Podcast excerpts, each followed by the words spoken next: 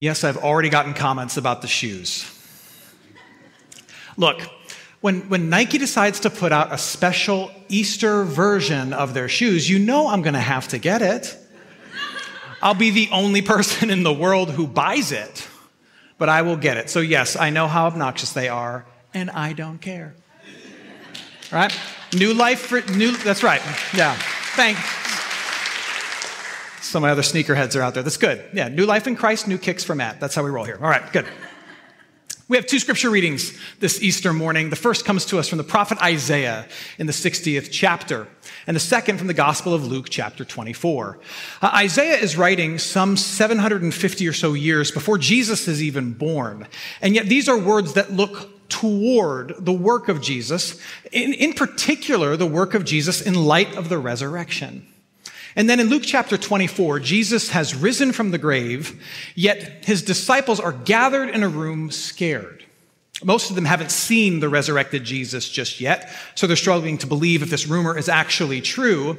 And they're hiding there, scared, trying to put their stories together, afraid that the same people who killed Jesus might come after them. Isaiah chapter 60. Arise, shine, your light has come and the glory of the Lord has dawned. Darkness now covers the earth, and thick darkness covers the nations. But the Lord dawns, and his glory appears over you. Nations will come to your light, and kings will come to the brightness of your dawn. The Gospel of Luke. While they were talking about what had happened, Jesus stood among them. He said to them, Peace be with you. They were terrified and thought they were seeing a ghost. He asked them, Why are you afraid? Why do you have doubts? Look at my hands and feet and see that it's really me. Touch me and see for yourselves. Ghosts don't have flesh and bones, but you can see that I do. This is the word of the Lord. Thanks be to God. So, my wife says it's because I'm getting old. I like the things that I'm looking at to be as bright as possible, and the things that I'm listening to to be as loud as possible. This is a recording from my phone. This is what I do every time I pick up my phone. I, I, swipe down and I take the brightness and I turn it all the way up. And then I take the volume and I turn it all the way up. You should see my daughter when she grabs my phone to use it for something. She takes it and the first thing she does is go, Oh my goodness, oh, it's so bright, Dad. It's so bright. I go, Yeah, so you can see. And then my wife, anytime she walks into a room that I'm already in, she greets me with those, those three magic words that you want to hear from your spouse turn it down. That's what she says to me every time I walk in. You know, we just read the gospel account from the resurrection of Jesus Christ, where his disciples are gathered in a dark room. They've shut out all the light, they've, they've drawn the windows, they've blown out the candles because they don't want people to find them and see them there because they're afraid that the same people who killed Jesus are going to kill them. Now, yes, at this particular point, Jesus had already risen from the grave, but he'd only appeared to a handful of people. And so, for the majority of disciples gathered in that room, Jesus was said to be alive, but to them, he was still dead. Jesus was dead. And the trauma of seeing your teacher and your leader publicly crucified tortured before your eyes, bleeding and dying, and then put away in a tomb was still fresh for them. That room was dark. It wasn't just dark because they'd shut out the light. It was, it was emotionally dark and it was spiritually dark because of what they had seen. Because it wasn't just Jesus that died. With Jesus' death died their faith in Jesus. With Jesus' death died their future with Jesus. And now all that was left was fear. And that's a dark place to be. You know, you, you and I, as, as partakers in this human experience, we know what it's like to live in dark spaces. Not just a room where you've, you've drawn the curtains, but we know what it's like to live in a place where there is an emotional or a spiritual or a personal darkness. Where you're just dying for some light, some hope, the breakthrough. You know, some of us have experienced the darkness of deep disappointment there was a relationship that you thought was going to turn out different than the last one, or, or a job that you thought was going to be different than the other ones, but just turned out to be the same. Or the darkness of loss. a breakup that caught you by surprise, or having to bury a best friend. I've been talking to some young people, and, and one of the things that it seems like they're wrestling with is, is the darkness of, of undefined identity, of feeling like they don't know who they are or where they belong. A part of being a human is to know what it's like to be in a dark space, in a dark place, and to need a bright light to break through and change things. So the disciples are gathered in that dark room, and suddenly appears Jesus. We're, we're, not told how he gets there, whether he knocks on the door, he's like, hey, it's me, the guy who rose from the dead, or if he just kind of appears. What we're told is just he's there. The resurrected Jesus appears before them. And when Jesus enters the room, a, bright light, so to speak, comes with him. And it's not just that they're seeing Jesus who was dead now alive, but, but it's what the resurrected Jesus brings with him that shines a bright light into this dark space. Jesus says it right as he enters. He offers this message. He says to the disciples, huddled, huddled in their dark space, he says to them, Peace be with you. Now, it's easy to overlook that, but Jesus, I'm sure, as he's making his first appearance after having been killed and now rising from the dead, chose his words carefully. I would have chosen my words carefully. I wouldn't have said, Peace be with you. I would have showed up and saw them all scared and be like, What are you afraid of? I told you I was going to do this. But not Jesus. He walks in, appears. He looks at them scared. They're scared. And he says, Peace be with you. Now, it's good to remind ourselves what peace actually means. Uh, the, the, probably the simplest way to put it is peace is the, the pronouncement of or the realization of the fact that things are okay. Most simplest way to put it peace means that things are okay. So, into this dark room, both literally and metaphorically, Jesus appears, and his first words to his disciples are Into this darkness, it is okay. I'm alive. It's okay. And now, what brings us together this morning is the fact that, that Jesus didn't just step into that dark room as this resurrected Lord, he stepped into this whole dark world as a resurrected Lord. When he exited that tomb, he didn't just step into the place where his disciples were. He steps into the world, into the darkness that, that you and I can find ourselves in. And he brings with him the bright light of the peace that he proclaims. He brings with him this pronouncement that whatever the dark space is in your life, whatever the darkness is in your life, since I am alive, since I am risen, there is, there can be, there will be peace for you to you this morning, to the world today, Jesus says, if I'm here, if I'm alive, it's okay. And whether you know it or not, that, that's the bright light that you need in the darkest of moments. Now, now, I get it that some of us may be here today and be very skeptical of this whole thing. M- maybe you're not one who comes to church. Maybe you came here willingly, or maybe you were drugged here on the promise of ham. Maybe. I know how it works.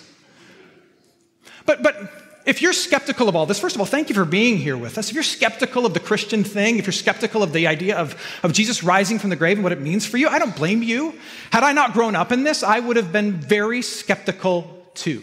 And I've had my moments of skepticism. And I think skepticism is welcome within the Christian faith. A, a rational, healthy skepticism of the claims of Christianity has always been welcome in the Christian faith. You know, one pastor once put it like this to me. He said, Look, if, if you got a random phone call saying that some distant relative in some far off country had died and left you a billion dollars, you'd be skeptical. Even if other family members were like, dude, it's totally real, we're rich now, you'd still be skeptical. There are scams galore today. Every five minutes, I get a phone call about my car's extended warranty. And I'm starting to think, they don't really care about my car. If somebody called you and they said, Look, a relative died, you're a billionaire now, you'd be skeptical. You'd check it out. You'd be wise to check it out, but you'd be skeptical. The, the, Christian claims are the same. What, what we're saying is that Jesus Christ died and he rose just as he said. And now, with that means everything that he promised has to be taken as true. And there are this, this, this truckload of implications that come with the resurrection of Jesus Christ that are all good and overwhelming and amazing for you. New life, eternity, a new creation that is coming, forgiveness that it can be yours now, a relationship with God that is real and alive and active, prayers that can be heard. I can go on and on. Those are crazy claims. So, so, so it'd be wise to investigate whether or not Jesus really is who he said he was, whether or not he really rose from the dead, and what history tells us. What Christians throughout the millennia tell us is that he is in fact risen. He is risen indeed. Hallelujah. But, but if you hear this story of Jesus appearing in the darkness of that room with his disciples and proclaiming peace, of him appearing to the whole world really and proclaiming peace, and you say, yeah, I don't really know how that brings peace to me. I understand it.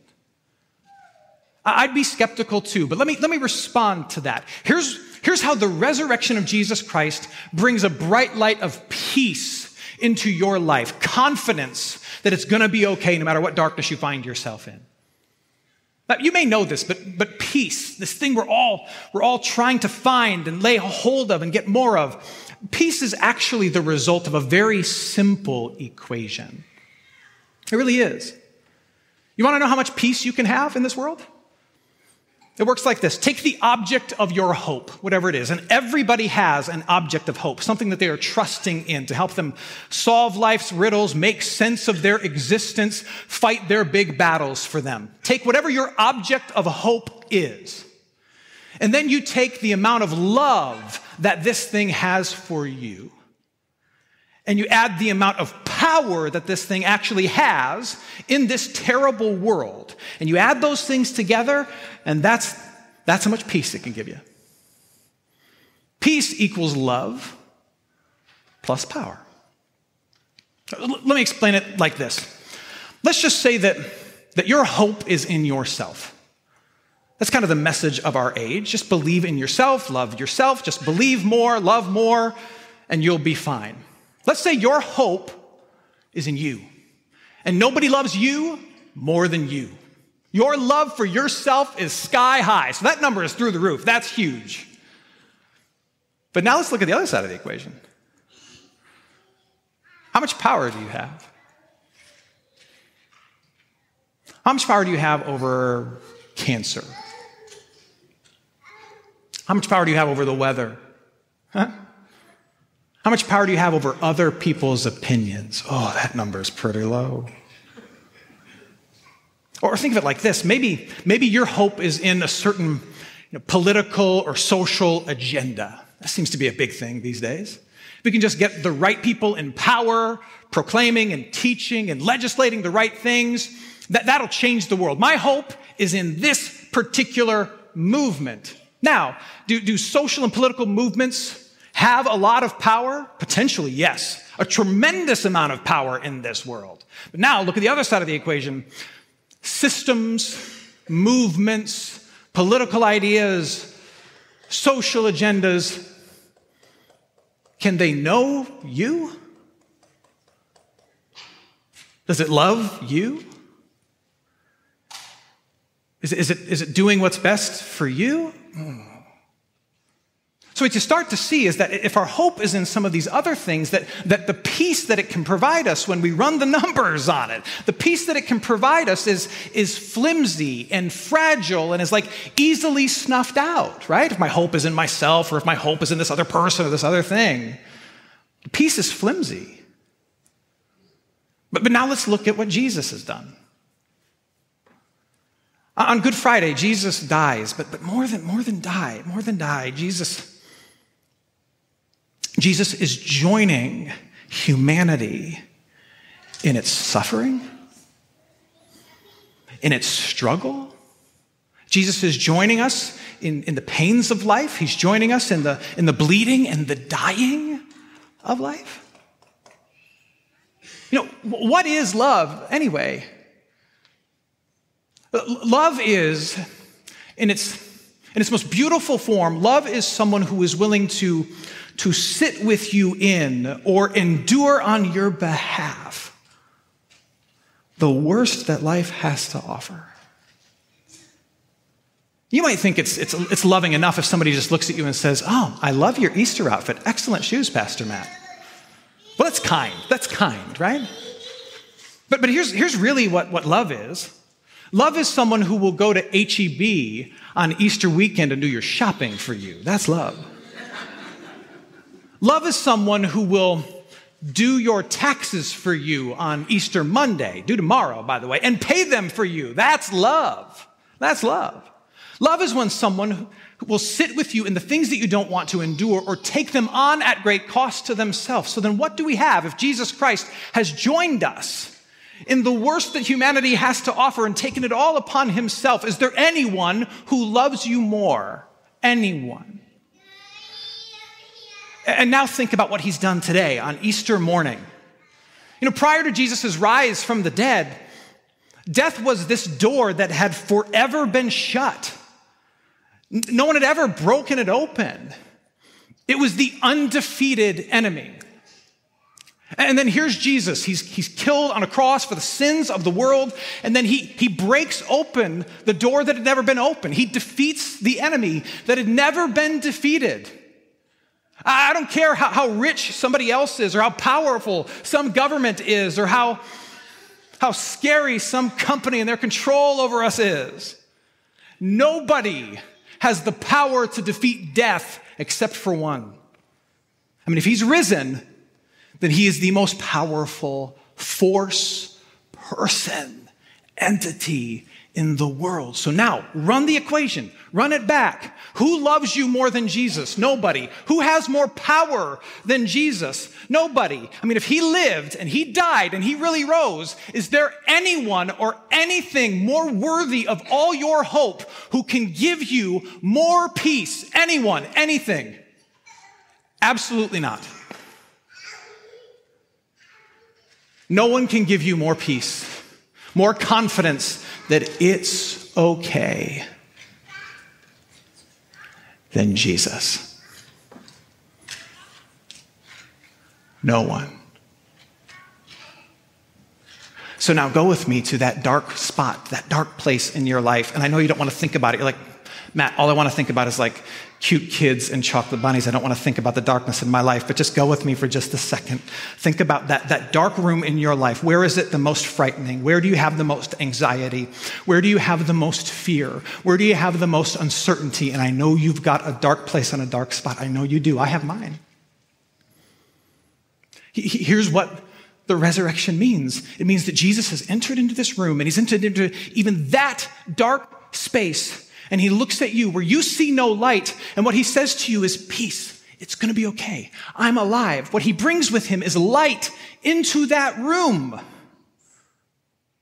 What God wants you to know is that no matter how dark a certain part of your life is, there is light in that room.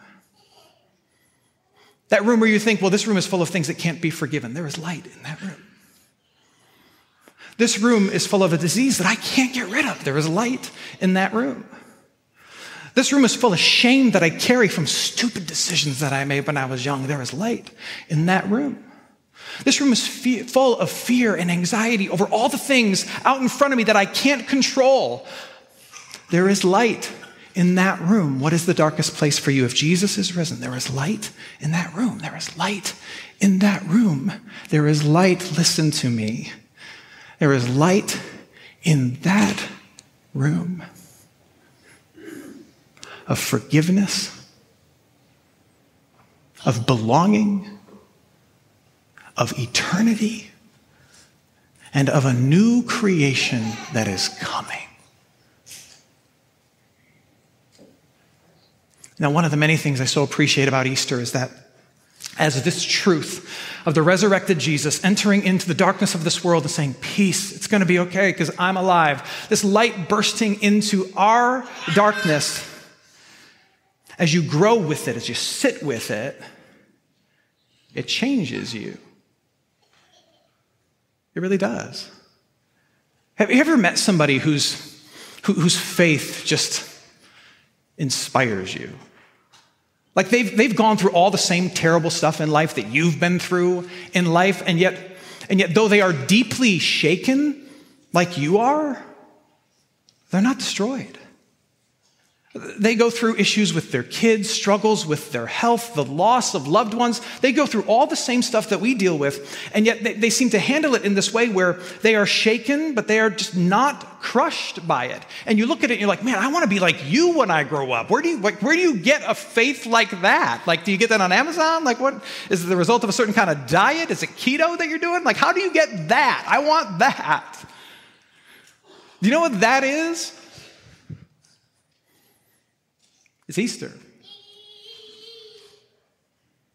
It's, it's the peace that comes from a resurrected Jesus who really did rise from the grave and who says, It's okay.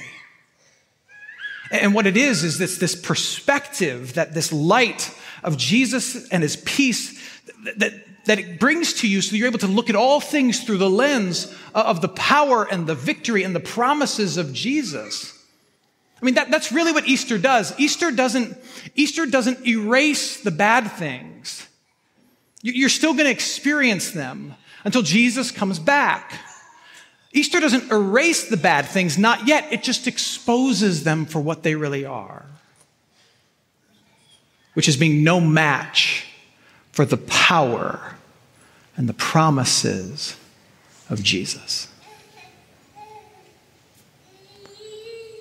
Now, the famous author, Robert Louis Stevenson, he wrote uh, Jekyll and Hyde, Treasure Island, some of those classics. He, he, he, wrote about when he was a small child growing up in Scotland, and this was a long, long time ago. Uh, back then, uh, on his street, there were, there were a series of street lamps, and, and the street lamps didn't automatically turn on at night. They didn't have electricity back then. Instead, there were people whose job was to be a lamplighter. They would move from, from light to light to light on your street, and they would climb up a ladder, they would lift up the glass, they would light the lamp, and then they'd come down the ladder, move their ladder to the next lamp, climb up, lift up the glass, light the lamp. And Stevenson wrote about being a very young child sitting on his front porch with his family and watching their lamplighter make his way down the street, climb up the ladder, lift the glass, light the light, and move on. Climb up the ladder, lift the glass, light the light, and move on. And he writes that he, he turned to his mom and he said, Look, mom, they're punching holes in the darkness. And I don't know why, but that, that phrase has uh, stuck with me. What is Easter but, I mean, if this is true, what, what is Easter but God punching holes in the darkness and proclaiming peace through the power of Jesus to scared people like you and me? My prayer for you is that you would you would turn up the brightness on all of this.